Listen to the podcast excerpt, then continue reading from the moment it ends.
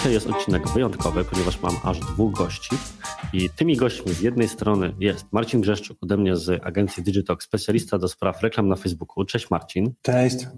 A drugim gościem, specjalnym, wyjątkowym powodem, dla którego się dzisiaj spotykamy, jest Krystyna Dziewanowska ze sklepu mebloscenka.pl, która tak się akurat składa, jest przy okazji naszym klientem agencji Digital. I właśnie z tego powodu postanowiliśmy się we trójkę, pracując nad tym projektem, dzisiaj spotkać, żeby o nim porozmawiać. Cześć Krysiu.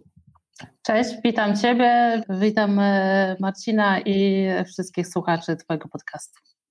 Liczne grono zgromadzone przed odbiornikami i tak dalej, jak to się kiedyś mówiło w takich sytuacjach.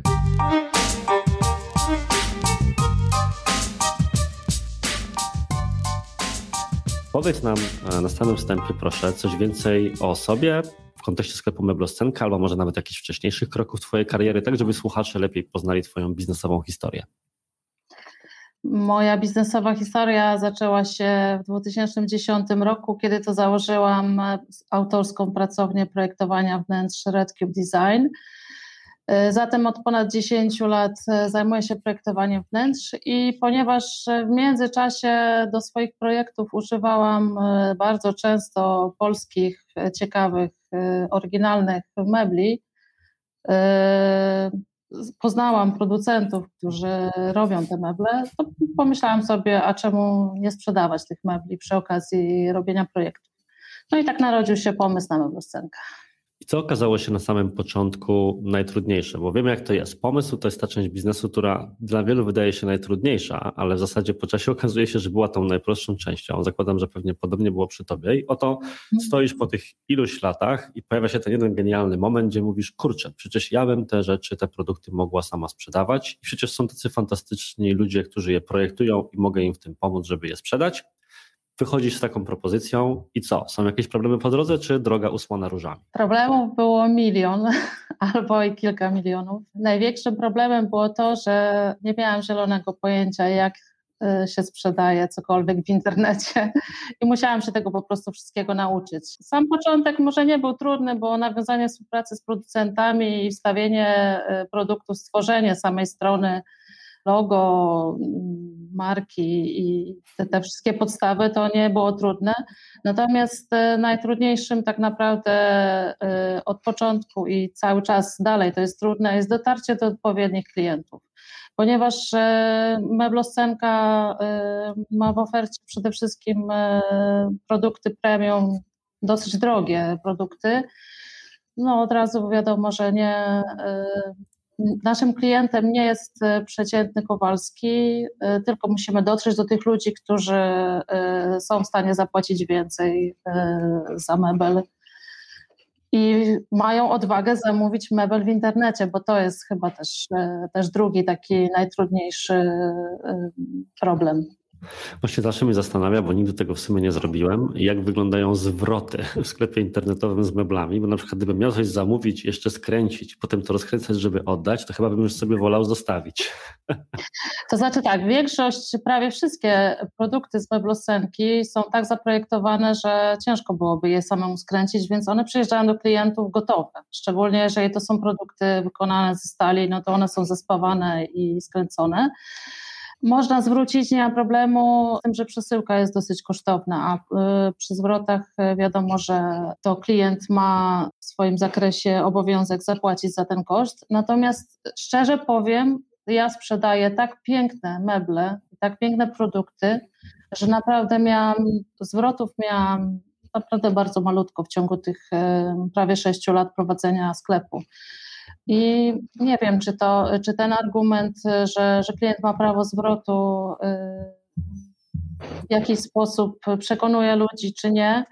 Y, ale ja zawsze, jak rozmawiam z kimś przez telefon, to zawsze mówię, że y, jeżeli nie spodoba Ci się produkt, jeżeli uznasz, że jednak to nie jest ta kolorystyka, to zawsze możesz zwrócić, żeby uniknąć zwrotów. To my bardzo często wysyłamy do klientów próbniki. E, to znaczy, jeżeli klient nie ma pewności, jaki kolor e, tkaniny na przykład mu pasuje, albo odcień drewna, e, albo jeszcze jakiekolwiek inne kolory, to wysyłamy kurierem zestaw próbników, później go od niego odbieramy i klient wtedy ma pewność, że to jest dokładnie ten kolor, na którym mu zależało. Albo może sobie też, nie wiem, wziąć kawałek, na przykład kawałek drewna, przymierzyć do innych drewnianych elementów w mieszkaniu i zobaczyć, że, że to jest ten odcień i ten mebel też będzie mu świetnie pasował w mieszkaniu. Świetnie, świetna mechanika. To jest w ogóle w świecie startupowym z kolei, gdzie bliżej produktów technologicznych, coś takiego nazywa się redukowaniem tarcia, czyli co to sprawić, żeby tam klientowi było łatwiej podjąć tę decyzję i dać mu jakąś mniejszą, mniejszą próbkę, więc tak naprawdę zadałem to pytanie, ten mhm. komentarz ze zwrotami, troszkę śmiechem, żartem oczywiście, ale bardzo zainteresowało mnie to, co powiedziałaś na wstępie, czyli że wszystkiego musiałaś nauczyć się sama, czyli cofnijmy się na chwilę do tych sześciu lat przed te wstecz, jak mhm. powiedziałaś, kiedy rozpoczynasz mhm. swoją przygodę i tak jak mówisz, głównym wyzwaniem było nie tyle pozyskanie tych producentów, co jest dla mnie bardzo ciekawe, że byli oni rzeczywiście tak bardzo otwarci na współpracę, więc cieszę się, ale dotarcie do odpowiedniego segmentu klientów. Więc powiedz nam proszę na przykład, jakie były pierwsze kroki, które wtedy podjęłaś? W sensie, co uznałaś, że jest najważniejsze, co próbowałaś robić, jak próbowałaś pozyskiwać tych pierwszych klientów? Od samego początku miałam świadomość, że konkurencja jest bardzo duża, zarówno w sieci, jak i w, w sklepach stacjonarnych. Dlatego wiedziałam, że jeżeli nie wejdę w reklamę, to nikt mnie nie będzie widział. E, od samego początku współpracowałam z agencją, która zajmowała się robieniem reklamy internetowej e, i pozycjonowaniem. I z każdym miesiącem robiliśmy analizę, e, co działa, co nie działa, gdzie ewentualnie zwiększyć budżet i w co zainwestować. Mhm. Więc y, nie próbowałam samemu reklamować się w internecie, bo wiedziałam, że jest to dosyć skomplikowane i że bardzo często zmieniają się też ustawienia w Google i, i nie chciałam tego robić sama. Od samego początku zaufałam profesjonalistom. Mhm. No to jest e, zdroworozsądkowe podejście. Nie wszystko trzeba robić samodzielnie i nie na wszystkim człowiek musi się znać. Ja też nie znam się na połowie usług, które nam świadczą nasi podwykonawcy od prawników po księgową w tym momencie. E, na, na, na księgowej kończąc. Natomiast jedną rzecz jeszcze muszę spytać, tak totalnie obok tego, o czym wyszliśmy. Skąd nazwa? Bo powiedziałaś kilka minut temu, że logo, te wszystkie rzeczy przyszły Ci naturalnie i łatwo, to też nie było dla Ciebie problemem, więc dlaczego akurat mebloscenka? Szczerze mówiąc, ja tego nie wymyśliłam. Wcześniej przy okazji yy, tego poprzedniego mojego biznesu, czyli pracowni projektowania wnętrz, miałam grafika, który zaprojektował tam to logo pierwsze i w momencie, kiedy wymyśliłam ten sklep, to zgłosiłam się do niego, bo wiedziałam, że to jest niezwykle kreatywna osoba i E, I powiedziałam mu, że bardzo lubię takie e, zbitki dwóch różnych, trzech różnych wyrazów, albo takie słowa, które mają różne, dwa różne znaczenia, albo, e, albo można je interpretować w różne sposoby i stąd, stąd pomysł. No i on to wymyślił właśnie. Okej, okay, jasne. Także pozdrawiamy w takim razie. Może podeślemy mu ten odcinek, żeby, żeby wysłuchał. Natomiast druga jeszcze rzecz, którą chciałem poruszyć. Mm, powiedziałaś właśnie, że pomysł na Twój biznes wziął się z tego, że w swoich pracach jako projektantka posługiwałaś się często właśnie meblami polskich producentów, że taki typ klienta, no to to rozumiemy, oczywiście jest typem klienta, którego musi być stać na coś takiego, ale skąd pomysł na to i takie przekonanie na to, że ten akurat polski design, to jeszcze w takim bardzo specyficznym stylu, jest dokładnie tym, czego rynek potrzebuje? W sensie, gdybym miał, gdybym miał usłyszeć na pytanie, dlaczego mam się zdecydować na polski design, abstrahując od samego sklepu Meblosynka w tym momencie na chwilę, choć to się oczywiście łączy, to jak argumentujesz akurat lepszy jest polski niż ten teraz tak popularny, na przykład skandynawski, czy jakaś szkoła nowojorska, czy tym podobne inne style? E, to może zacznę od tego, że ja zawsze od samego początku myślałam jak architekt wnętrz, czyli szłam e, tym kierunkiem, że są klienci, którym zależy na czymś wyjątkowym. Miałam już serdecznie dosyć robienia projektów e, z użyciem mebli z IKEA. Był to znaczy da, dalej oczywiście jest, jest to firma, która niezwykle y, ciekawie przygotowuje inspiracje i mają super fajne produkty. Natomiast y, jakość y, też pozostawia wiele do życzenia i to często są to produkty, które są no, krótkotrwałe i bardzo szybko się niszczą.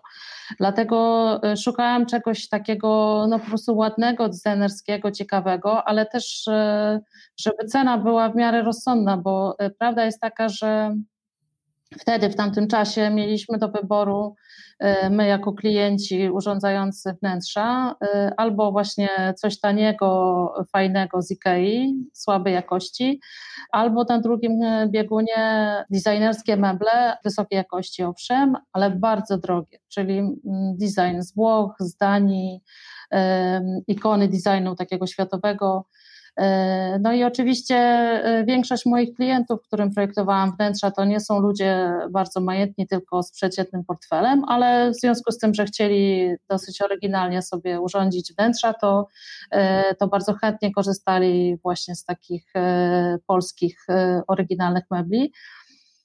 I te polskie meble są droższe niż, niż, niż IKEA oczywiście, ale cały czas jeszcze mieszczą się w takim portfelu dla średniej klasy, powiedziałabym. A za to są wyjątkowe, bo wykonane są z porządnych materiałów, z drewna, nie z jakichś drewnopodobnych materiałów, ze sklejki, ze stali, też bardzo dużym plusem e, naszych mebli jest to, że wykonywane są one przez małe firmy. To znaczy, mam na, mam na myśli bardzo często takie małe rodzinne firmy, nie duże fabryki e, produkujące meble, i te rodzinne firmy bardzo mocno stawiają na jakość, dopracowują szczegóły, pilnują właśnie wykonania jakości, bo sami jako właściciele nadzorują pracę e, albo sami też wykonują te meble. E, więc bardzo pilnują, żeby to było ładne, żeby były wybrane dobrej jakości materiały. Wszystkie te meble są po prostu dopieszczone i widać, że, że ktoś e, włożył dużo uczucia w wykonanie ich. Czy przebija z tego wszystkiego, co mówisz, bardzo duże zaangażowanie w ten projekt, więc tego się po prostu od razu. Ja bardzo lubię słuchać przedsiębiorców, którzy po prostu są zajarani, mówiąc kolokwialnie, tym, co robią. I tutaj wyczuwam to też po drugiej stronie. Mija kilka lat, Krystyno, od tego, jak już zaczynasz rozwijać mebloscenkę i przychodzi ten moment, gdzie jednak szukasz nowej agencji. Tą nową agencją okazuje się Digitalk, rozpoczynamy współpracę. My, nastawieni na to, że zaraz siądziemy już po prostu do targetowania reklam, podbijania świata internetu, natrafiamy na zupełnie inne problemy niż pierwotnie zakładaliśmy i osobą, która te problemy zaczyna rozwiązywać i może nam powiedzieć, co to były za problemy, jest obecny tutaj z nami Marcin. Więc Marcinie, jak to wszystko na początku wyglądało? Wyglądało to tak, że poznaliśmy się z Krystyną Krystyną, odblokowując jej konto reklamowe, stare i starego biznes managera. Niestety nie do końca tam wszystko udało się odzyskać i trzeba było zacząć od nowa. Więc tutaj start był dość utrudniony, no bo nie mieliśmy historii konta reklamowego, nie mieliśmy starych zdarzeń na Pixelu, to jest wątek, który się często pojawia. Klienci, mhm. którzy do nas przychodzą, albo klienci, którzy rozpoczynają współpracę z innymi agencjami, niekoniecznie są świadomi tego, że dostęp do własnych danych ma tak kluczowe znaczenie, szczególnie jeżeli później będą chcieli wraz ze swoim e, biznesem przenieść się w inne miejsce, czy na przykład samodzielnie rozpocząć pewne działania. Więc zupełnie nieświadomie podpisują umowy, w których na przykład pracują na cudzych kontach, które później zostają po stronie agencyjnej, albo właśnie nie baczą na pewne zabezpieczenia nawet po stronie biznes managera, które można podjąć, żeby nie stracić w wyniku ataku hakerskiego takich dostępów. Więc dlaczego to jest takie ważne, żeby e, mieć te wszystkie dane u siebie i rzeczywiście móc się później od nich odbić przy kolejnych współpracach, dajmy na to. Tak z mojej perspektywy mnie też to boli, że część agencji działa na swoich kontach reklamowych i podpinają swój piksel na stronę klienta. Jest to ważne mm, z mojej perspektywy, dlatego że Facebook uczy się e, zdarzeń, uczy się ludzi, którzy dokonują interakcji na stronie i to wszystko sobie zapisuje. Mianowicie widzi, kto dokonuje zakupu, kto wchodzi na stronę, kto dodaje te produkty do koszyka, ile pieniędzy zostawia w takim sklepie i na tej zasadzie do, dokręca śrubę, dotargetowuje mm, reklamy, które puszczamy nawet w przyszłości. Więc no, niesamowicie jest ważne, żeby zadbać o to, tak jak my, że, żeby działać na koncie reklamowym klienta, na biznes menadżerze klienta. No bo kończymy współpracę na przykład z daną agencją, zapłaciliśmy Facebookowi za reklamę, zapłaciliśmy za zebranie tych wszystkich zdarzeń i zostajemy z niczym czasami. Dokładnie taką samą mam perspektywę i to jest też powód, dla którego my Digital działamy właśnie w ten sposób, więc te osoby spośród Was, a wiem, że słuchają mnie z jednej strony marketerzy, którzy potrafią te rzeczy, wiedzą być może o tym, co powiedzieliśmy, ale też bardzo duża liczba przedsiębiorców, którzy podobnie jak Krystyna przychodzą do jakiejś firmy i jej ufają, tak? I chcą, zakładają, że ta firma wie, co robi, potraktuje ją uczciwie i może się okazać właśnie, że na przykład stracimy dostęp do jakichś danych, mimo że nie powinniśmy go stracić, albo właśnie, że będziemy ofiarą jakiegoś ataku hakerskiego bądź innego problemu. Więc ten wątek mamy załatwiony, już wiemy, dlaczego warto warto te wszystkie informacje trzymać u siebie, żeby później móc z nimi wędrować po różnych miejscach. I pojawia się właśnie Krystyna, której finalnie musimy te wszystkie rzeczy założyć od nowa i co się dzieje dalej. Dalej zadziała się bardzo prosta rzecz. Umówiliśmy się z Krystyną na, na, na rozpoczęcie współpracy. To zazwyczaj call, który trwa około godziny. I tam Meblostenka to był akurat jeden z tych projektów, na którym ja otrzymałem masę informacji. Jak słyszeliście już wcześniej, Krystyna jest bardzo zajarana tym, co robi i naprawdę bardzo dużo informacji nam, nam sprzedała, mianowicie jakie od jakich produktów warto by było wyjść, jaka jest jej grupa docelowa, i tak dalej. Także tutaj wszystko to, co mówiła Krystyna, też potwierdziło się w Google Analytics, bo niektórzy klienci robią tak, że jak pytamy o bestsellery, czyli produkty, od których możemy wyjść, żeby te wyniki osiągnąć szybciej, no to czasami są to produkty, które klienci chcą, żeby stały się bestsellerami. Tutaj akurat było tak, że to faktycznie były najlepiej sprzedające się produkty. No i od tego wyszliśmy. No to dopytam w takim razie. Krystyna, powiedz nam, bo to myślę, że może być ciekawa informacja, taka właśnie od zaplecza pewnego biznesu, czego nie widać po czym się, jak się wejdzie na stronę, bo wiemy, że niektórzy tymi bestsellerami też ręcznie e, manipulują na swoich stronach. Co u Ciebie jest takim absolutnym bestsellerem i dlaczego? Są dwa takie absolutne, myślę, że mogę o tym powiedzieć. E, pierwszy to jest szafka telewizyjna Lobo. To jest szafka marki Formi. E, jest niezwykła, dlatego że jest po prostu przepiękna. I nie wiem dlaczego, ale świetnie się sprzedaje. Może dlatego, że właśnie jest taka ładna, jest wyjątkowa i myślę, że każdy, kto ma taką szafkę u siebie w salonie pod telewizorem, ma, e, ma gwarantowany efekt wow. E, drugim bestsellerem są stoliczki z litego drewna dębowego, które mają kształt przypominający pionki szachowe. To są takie toczone stoliczki. Według mnie są po prostu przepiękne, y, stosunkowo niedrogie jak na tego typu produkty i każdy, kto ma kawał takiego prawdziwego drewna, y, też czuje, że to jest coś wyjątkowego, nietuzinkowego. I to są dwa takie najważniejsze, myślę, bestsellery. A czy jest coś, co myślałaś, że będzie się świetnie sprzedawało, a okazało się stałym strzałem w stopę i na przykład, kurczę, musiałaś wycofać ten produkt finalnie ze sklepu, albo no jest on obecny, czasem się sprzeda, ale nie robi takiego szału, jak liczyłaś, że będzie robił? E, szczerze mówiąc, nie, nigdy nie robiłam statystyk, co jest słabo sprzedawalne. Raz na jakiś czas robię taką selekcję produktów, żeby tych produktów nie było po prostu bardzo dużo, bo też jednym z takich założeń pierwszych, jak zakładałam sklep, zależało mi na tym, żeby sklep nie miał zbyt wielu produktów. To znaczy, że jeżeli klient wchodzi do nas na stronę, to zbyt duża ilość produktów powoduje, że jemu jest ciężko się zdecydować, bo wszystko mu się podoba i nie wie, co wybrać i co kupić. Dlatego e, właśnie raz na jakiś czas robię taką selekcję. E, natomiast robię ją e, z kilku powodów. Dla mnie niezwykle ważna jest jakość. Jeżeli zdarzają się jakiekolwiek reklamacje, albo jeżeli klienci dają sygnały, że to jednak nie jest taki produkt, jak im się wydawało, bo dostają coś do domu, a na zdjęciach jednak to troszeczkę inaczej wyglądało. A druga sprawa jest taka, że bardzo mi zależy na tym, żeby, żeby właśnie klient był zadowolony, żeby nie było tych reklamacji. W momencie, kiedy zdarzają się y, u jednego producenta nagminne jakieś y, wpadki, to ja po prostu rezygnuję ze współpracy z tą firmą.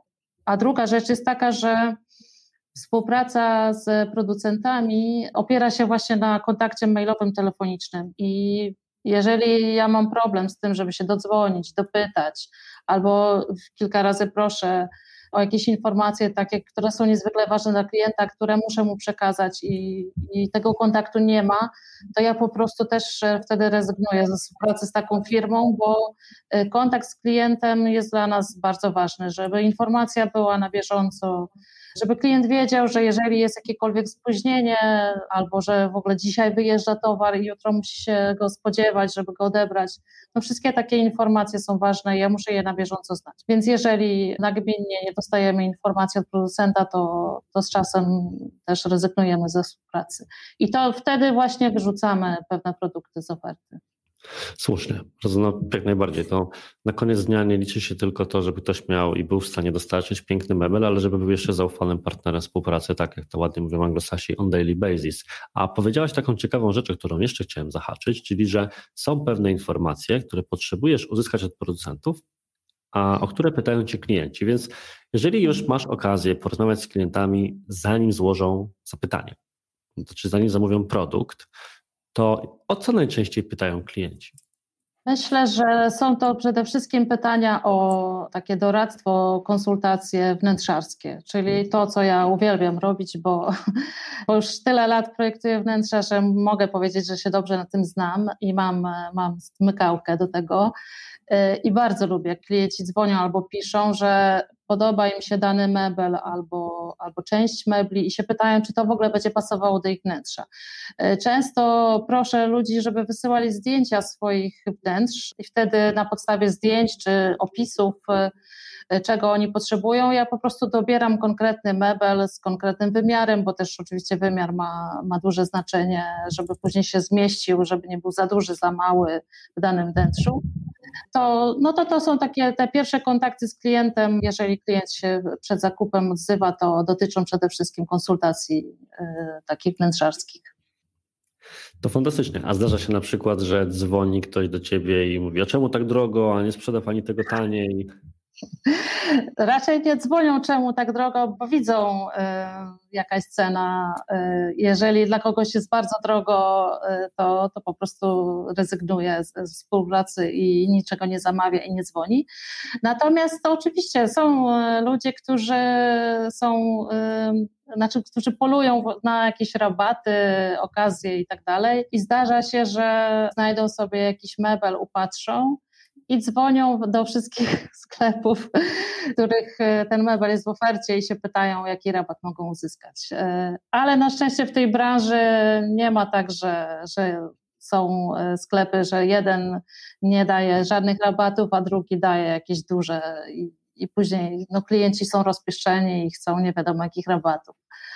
Ale no, zawsze można ponegocjować, coś porozmawiać. E, ja jestem otwarta na takie rozmowy. E, jeżeli są e, też inne produkty zamawiane, nie tylko jeden, no to wiadomo, że, że wtedy możemy sobie pozwolić na jakąś ciekawszą ofertę. Zawsze też można zagrać darmową dostawą na przykład albo jeszcze jakimiś innymi bonusami. Powiem Ci, że kiedy tak kończysz wypowiedź, to po prostu muszę pociągnąć temat, czyli darmowa dostawa jeden potencjalny bonus. Oczywiście upewnimy się w ten sposób, żeby zbyt dużo potencjalnych klientów nie zobaczyło jednak tego podcastu, żeby zaczynali od razu, wiesz, od strategii negocjacyjnej, o której tutaj mówisz, aż tak absolutnie poważnie. Czyli mówisz, że masz przygotowany taki repertuar środków, po które możesz sięgnąć w rozmowie, jeżeli klient jest oczywiście price sensitive. Jednym z nich jest darmowa mhm. dostawa. Tak, coś, co potwierdzamy generalnie w e-commerce'ach robi szał, to myślę, że każdy to w tym świecie siedzi, też się z tym zgodzi. Skądinąd, stąd też pewnie popularność dnia darmowej dostawy, prawda?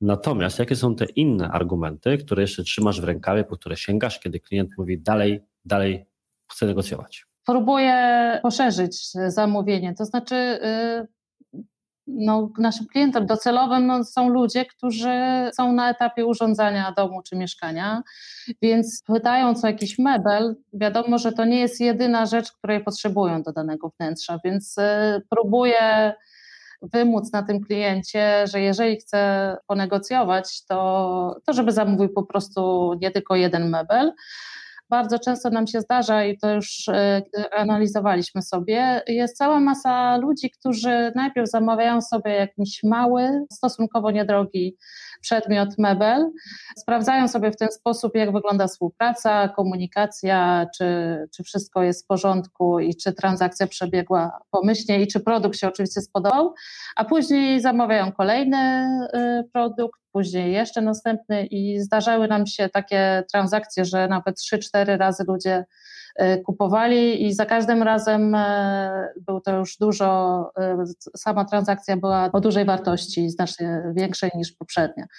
Argumentem, żeby dać jakiś rabat jest po prostu taki kupon rabatowy na kolejne zakupy dla tych wszystkich, którzy wracają do naszego sklepu.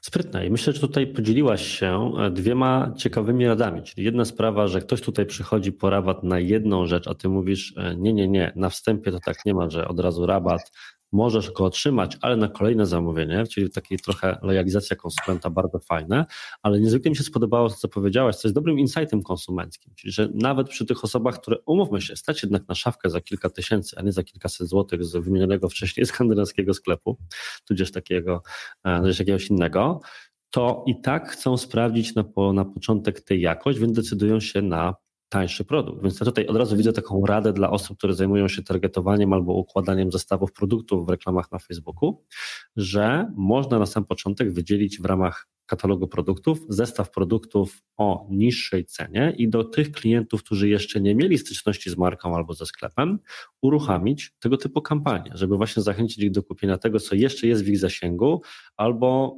co, jakkolwiek by to dziwnie zabrzmiało, mogą sobie pozwolić na zmarnowanie. Tak? Czyli jeżeli nie będą nie będą zadowoleni z jakości, no to pobawią się w próbę zwrotu lub ewentualnie machną ręką, jeżeli mogą sobie mhm. na to pozwolić. I myślę, że to wybrzmiewa z tego, co powiedziałaś, a niezależnie od tego, czy mówimy tutaj jednak o produktach drogich, takich jak mebloscence, drogich z mojej perspektywy, ja jednak jestem skąpy, jeżeli chodzi o ceny mebli, czy właśnie potencjalnie innych sklepów, tutaj do tego można byłoby podejść.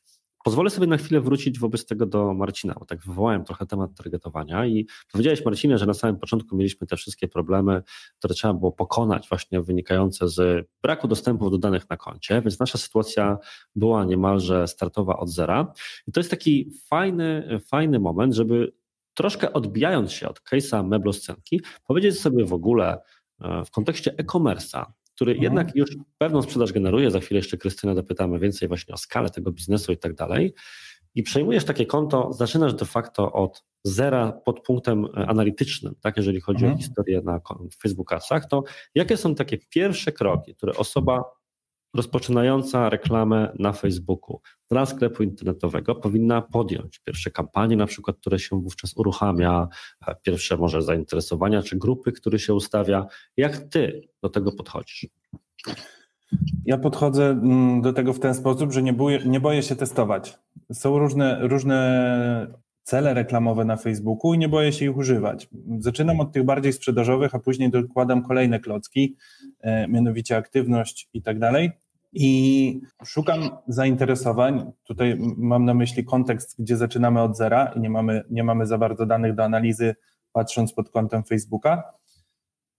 Szukam zainteresowań pokrewnych e, do danej branży, czyli jeśli chodzi o wnętrzarstwo, no to wiadomo, mogą to być osoby na przykład, które się przeprowadziły gdzieś tam. Mogą to być osoby zainteresowane jakimś tam designem, czy w przypadku produktów bardziej droższych, a właściwie to droższych, e, jakieś zainteresowania bardziej luksusowe, takie e, już górnolotne. A podasz jakiś przykład? Bo to, to jest ciekawe. Możemy właśnie posłużyć się przykładem mebloscenki, bo zakładam, że właśnie w ten sposób podchodziłeś do targetowania. Przy okazji widzisz Krystyna, która mówi, że generalnie oddaje takie rzeczy specjalistom, to się dowie, co ty tam właściwie robisz w tym momencie. Myślę, że tutaj Krystyna jest akurat bardzo dobrze poinformowana. Dużo czasu spędziliśmy na początku, żeby właśnie sobie to wszystko wyjaśnić. Pamiętam, tam było kilka uwag nawet przed startem, które sobie wyjaśniliśmy. Dokładnie zrobiliśmy to na mebloscence, czyli osoby jakieś po przeprowadzce, zainteresowane jakimiś dodatkami do domu. I takich kilka grup zainteresowań przygotowaliśmy i kilka celów reklamowych odpaliliśmy na początku. A jakie to były cele? Bo tak nie mam, myślę, że nie ma absolutnie problemu w tym, żeby powiedzmy powiedzieć wprost, jak takie rzeczy mhm. wyglądały. Czy to była aktywność, czy sprzedaż z katalogu, czy tylko sama sprzedaż z katalogu? To były y, kampanie, które stricte miały nam zapełnić górę lejka y, i gdzieś tam może trochę sprzedawać. To były kampanie na ruch, były kampanie na konwersję e, z optymalizacją pod zakup, czego się nie boję na początku, nawet jak nie ma zdarzeń na Pixelu pierwotnie. E, kampania na katalog, tutaj bardzo mocno polecam wykluczyć cały ciepły ruch i nie dodawać żadnych zainteresowań. Poczekać chwilę i zobaczyć, co się będzie działo. E, bardzo często dobrze się to sprawdza. Mm, nie trzeba dotargetowywać, znaczy zawężać żadnymi zainteresowaniami naprawdę polecam to sprawdzać. Widzę, że bardzo ciekawą radę udzieliłeś, nad którą lekko się prześlizgnąłeś, mhm. a dla wielu nawet zaawansowanych osób zajmujących się reklamą na Facebooku wiem, że jest to problem. Więc powiedz mhm. mi, dlaczego i w jaki sposób wykluczasz ten tak zwany ciepły ruch z reklam katalogowych?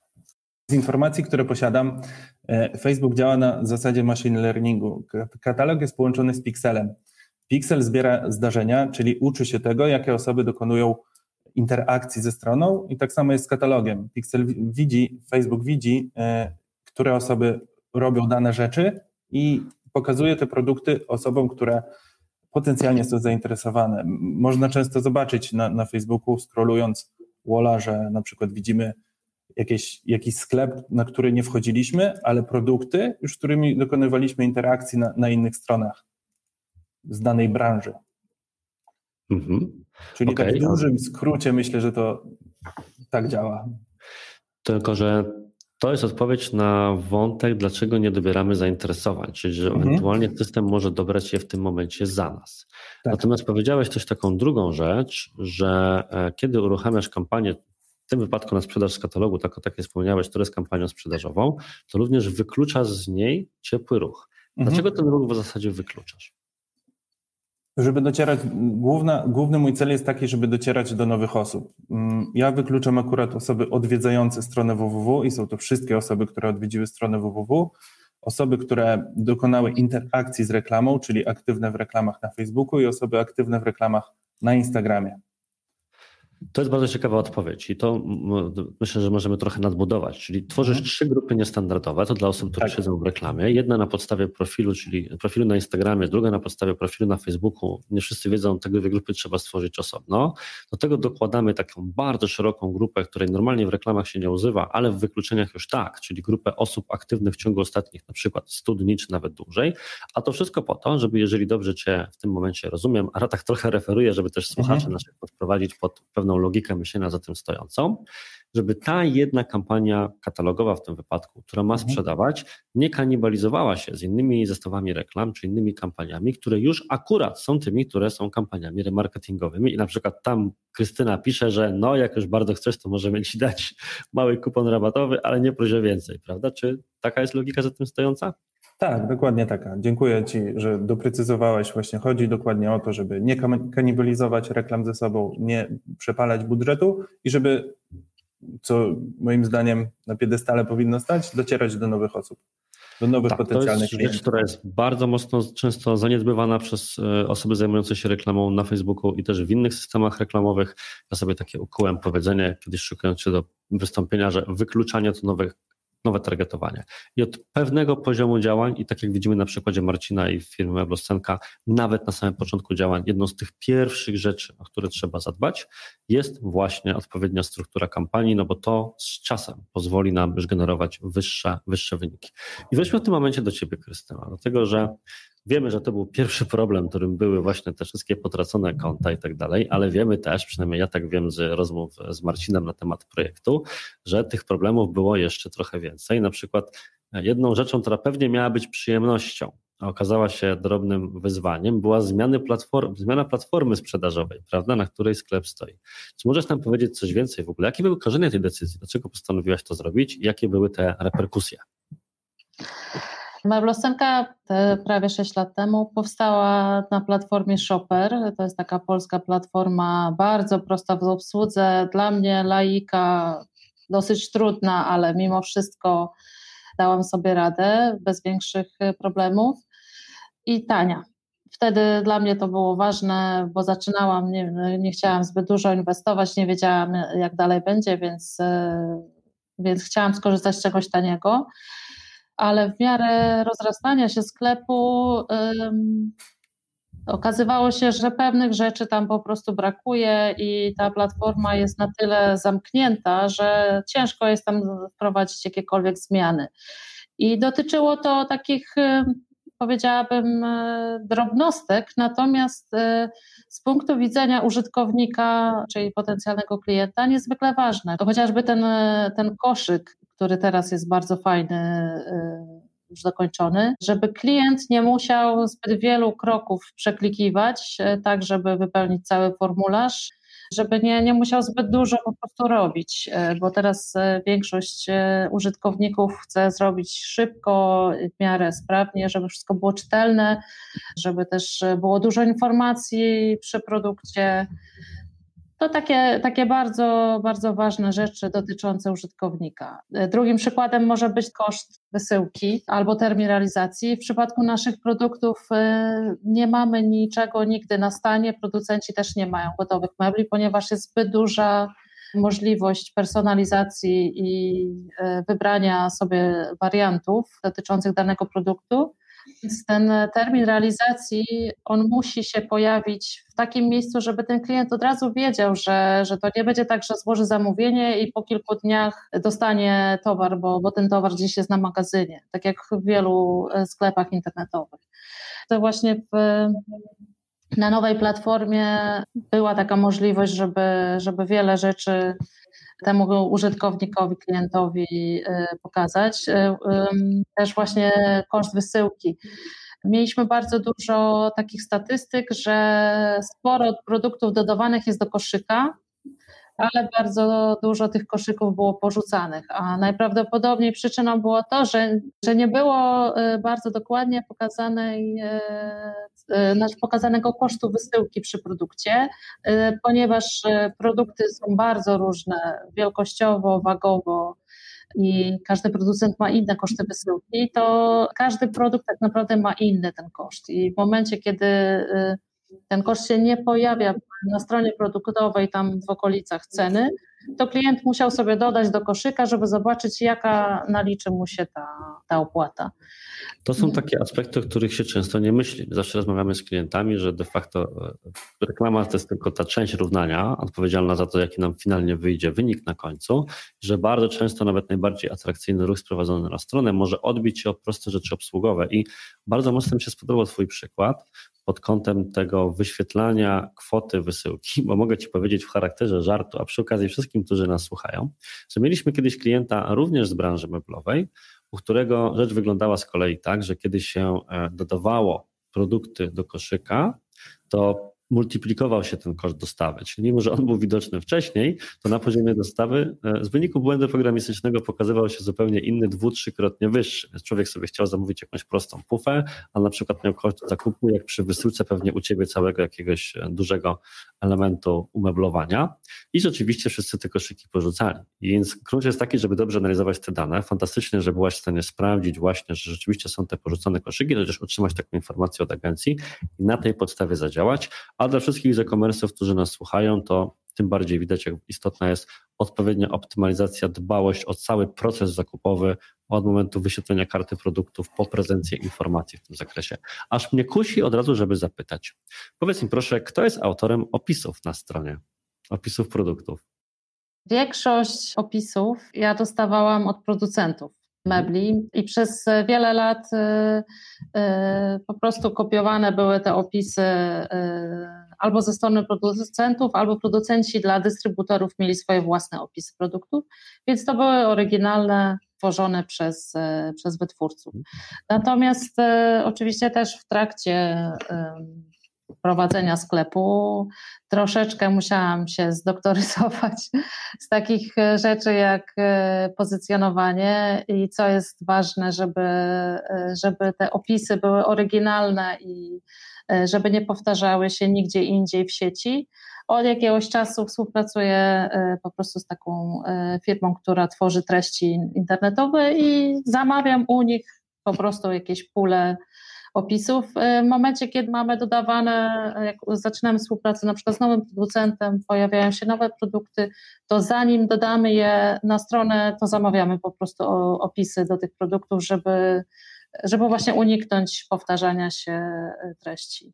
No i na bieżąco też wymieniamy te stare wszystkie produkty, tak żeby one miały oryginalne opisy.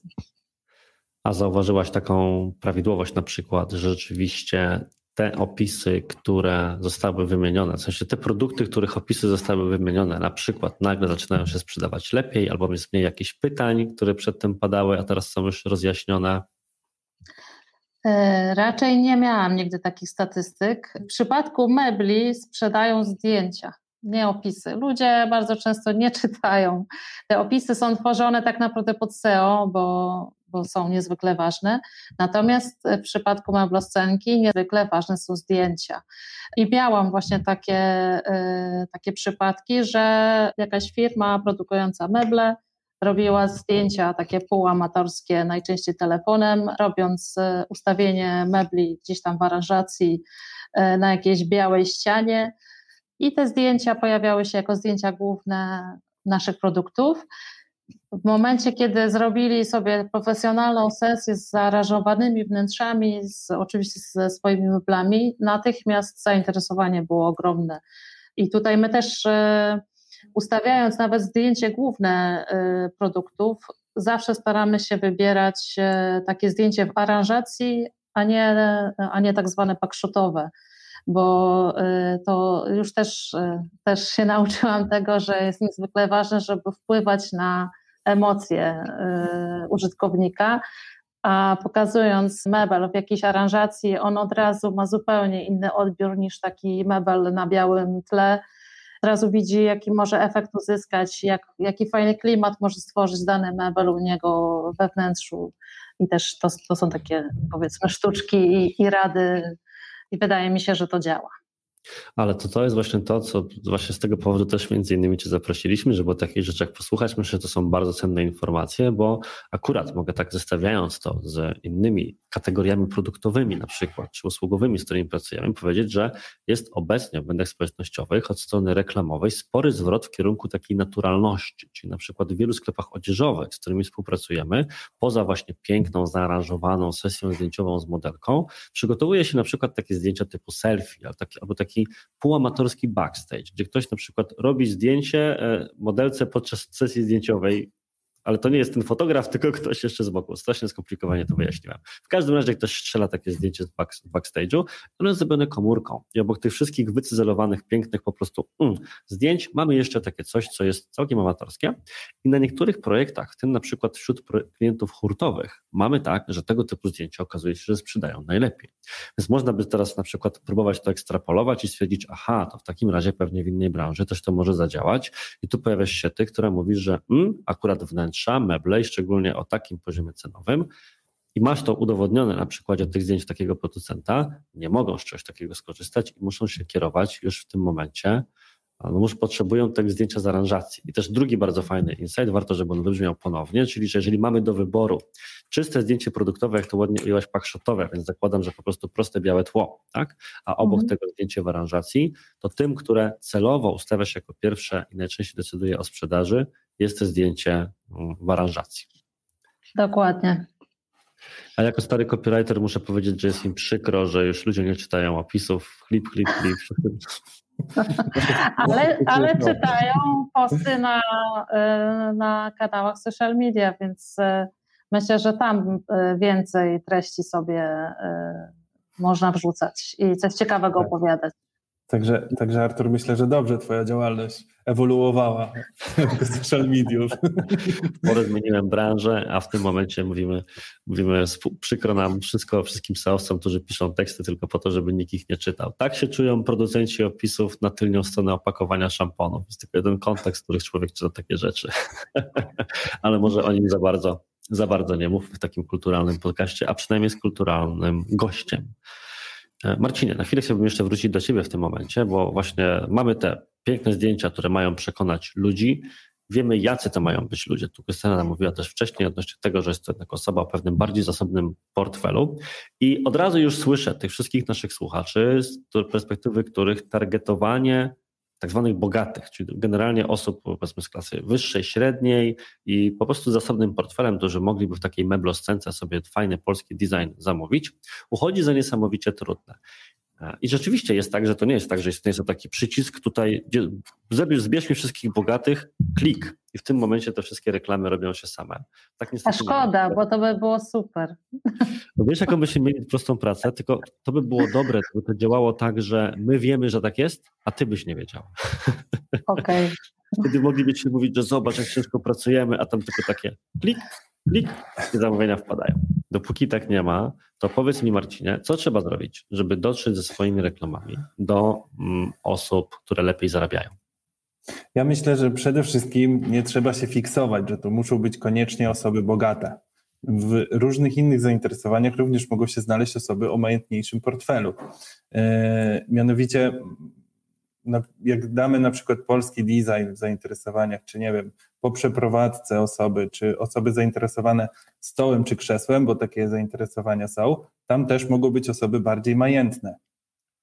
Więc y, ja tutaj nie boję się stosować y, w, na testy y, na początku bardziej ogólnych grup i żeby Facebook sobie to doprecyzował sam pod, za, pod na przykład zdarzenia zakupu.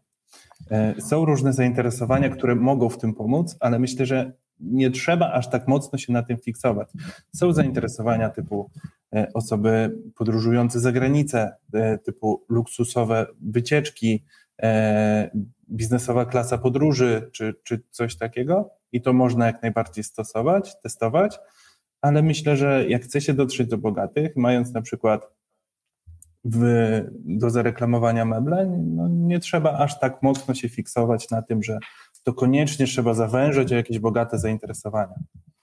Ja do tego tak podchodzę. Nie wiem, czy mhm. słusznie, czy nie, no właśnie, więc może, bo to, to, co mówisz, stoi bardzo, w, to jest fajnie, że to padło, bo to stoi trochę w kontrze do wielu rzeczy, które można znaleźć gdzieś na blogach i tak dalej. Ja sam zresztą mam na swoim blogu wpis o tym, jak targetować bogatych i tam też sięgam jako proponowane taktyki o te najbardziej rozpowszechnione e, elementy, których wspomniałeś, czyli na przykład osoby podróżujące, no bo jak podróżuje, to hej, skąd ma na to pieniążki, prawda?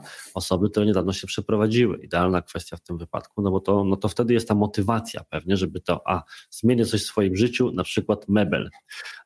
I kwestia, czyli ta kwestia, którą jeszcze też poruszyłeś, czyli właśnie jakieś luksusowe marki i tym podobne, ale ty mówisz, że e, to nie wszystko i warto też przetestować na przykład rzeczy, które wydawałyby się tak banalne, że aż lepiej po nie nie sięgać, na przykład zainteresowanie design, stół i krzesła. Jaka jest logika za tym stojąca? Powiedziałeś coś o tym, że wychodzi z założenia, że Facebook to sam dotargetuje, tak? Co przez to rozumiesz? Z tego co wiem, Facebook dotargetowuje mm, nasze reklamy pod kliknięcia, czyli widzi jakie osoby wchodzą w interakcję z reklamami, wchodzą w interakcję z produktami na stronie, czy dokonują zakupów na stronie i pod te osoby, jakby ja to nazywam, dokręca śrubę. Więc aż tak mocno nie, nie trzeba się fiksować. Ja wiem, że jest mm, spore grono specjalistów, które e, stosuje więcej wykluczeń w reklamach niż, niż y, ktokolwiek inny, ale ja akurat tutaj tak, tak na marginesie trochę powiem, często dostaję pytanie, jak tutaj zawężyłeś reklamy? No, często w ogóle nie zawężam i, i to daje efekty. Więc mm, tak odpowiadając jeszcze raz na pytanie, myślę, że nie trzeba aż tak się fiksować, że to muszą być osoby targetowane po zainteresowaniach jakichś bogatych. Mogą to być osoby e, po prostu z branży i tam też w tych zainteresowanych znaleźć. Tak, myślę, że uzupełniłbym to w ten sposób, że na koniec dnia oprócz, oprócz grupy docelowej znaczenie ma kreacja, przecież dokładnie o tym powiedziała Krystyna, o tym, że musimy pokazywać zdjęcia w aranżacjach i tak tak dalej. Więc jeżeli pokazujemy coś, gdzie widać jednak cenę, a tak wyglądają te reklamy. Widać, jaka to jest klasa, gdzie w kopii zwraca się uwagę na te aspekty właśnie, że to jest polskie, że to jest tego typu design, że to są wysokiej jakości materiały, te wszystkie selling pointy, które wspomniała też Krystyna na początku naszej rozmowy, to możemy sobie pozwolić na szersze zainteresowania i większą grupę, co za tym idzie, mhm. bo jednak jeżeli ktoś kliknie w tę reklamę, to sam ją trochę dotargetowuje i pokazuje Facebookowi, że tego typu osoby należy targetować później. A jeżeli ktoś to zobaczy i powie 6 to tam 4 tysiące złotych za szafkę RTV, jakieś love, coś tam powaliło te, kogo to tam jest na tym biznesie? Krystyna. Nigdy więcej Krystyny i biznesów Krystyny, nie? No to on się sam, że tak powiem, wyekspediował w tym momencie z tej grupy na przyszłość. Więc to jest myślę ciekawa rada, czyli nawet w przypadku biznesów, które wydawałoby się, że są idealnie skrojone pod niszowe targetowanie, możemy sobie zaszkodzić zamiast pomóc, jeżeli będziemy rzeczywiście próbowali targetować zbyt wąsko. Ale powiedziałeś, że te twoje stojące w kontrze do powszechnie panujących przekonań podejście owocuje dobrymi wynikami. Czy możesz się z nami podzielić nieco, jakie to są wyniki? Jeśli chodzi o konto reklamowe mm, menedżera reklam, mm, osiągamy reasy w granicach od 15 do 20. W jednym miesiącu mieliśmy 20, w drugim miesiącu mieliśmy 15, więc to już są takie reasy, które myślę są dosyć ciekawe. Jeszcze mnie to nie satysfakcjonuje, bo robiłem już reklamy w tej branży i wiem, że można tu wiele więcej, ale też i było sporo optymalizacji w biznesie, także jeszcze chwilę i myślę, że te reasy będą dużo, dużo większe. Ile czasu zajęło wypracowanie takich wyników?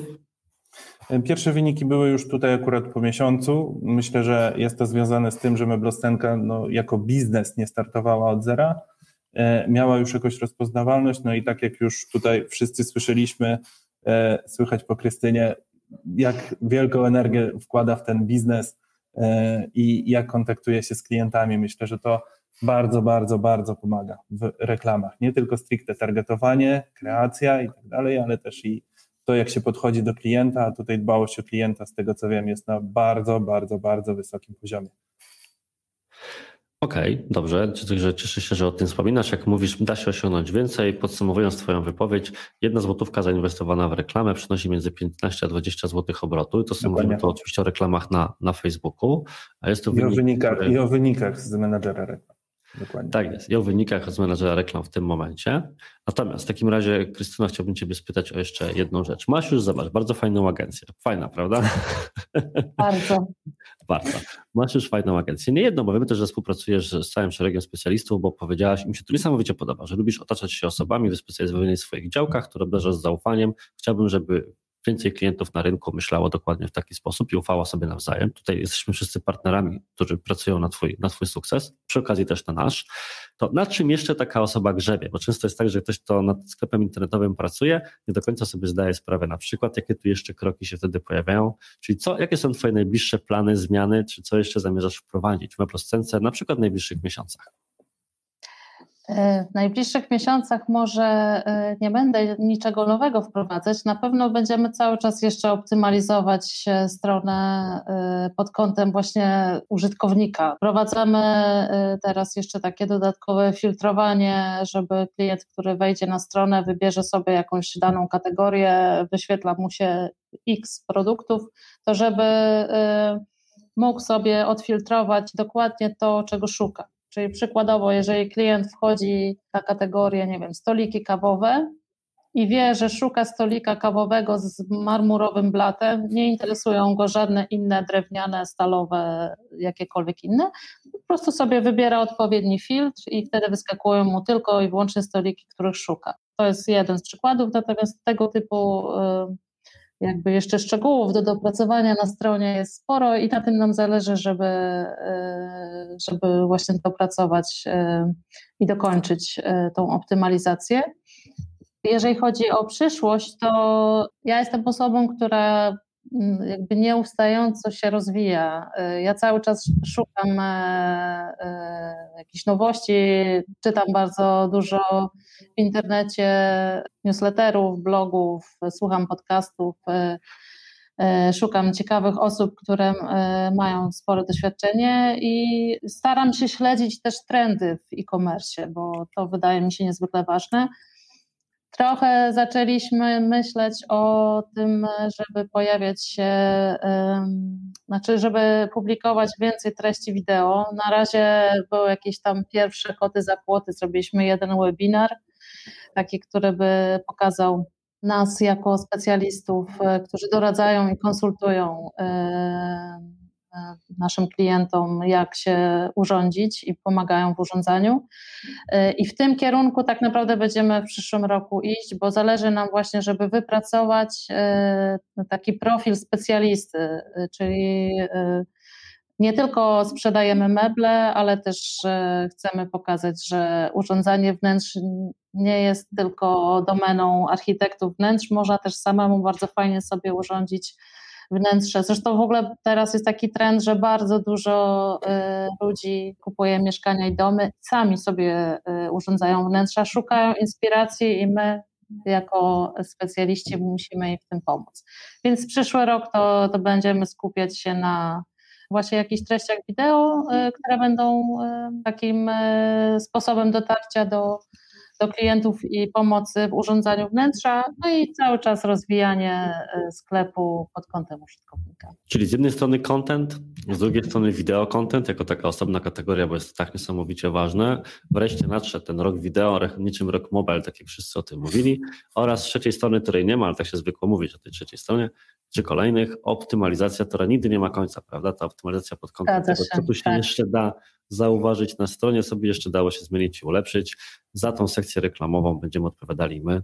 Więc ja myślę, że powoli przekroczyliśmy już godzinę nagrania, powoli to już jest ten moment, żeby zacząć się rozchodzić do domu, bo ja, mi się cały czas jeszcze przychodzą do głowy nowe pytania i do Marcina, i do ciebie, ale gdzieś trzeba postawić kropkę. Kto wie, być może będziemy jeszcze kontynuowali za jakiś czas, ponownie się spotkamy, żeby powiedzieć, co tam nowego w Mebloscence, na przykład po kolejnych kilku miesiącach. Wtedy nam powiesz, że kurczę, te filtrowanie, to jednak nie, trzeba było zrobić coś zupełnie innego bo tak to często w e-commerce bywa.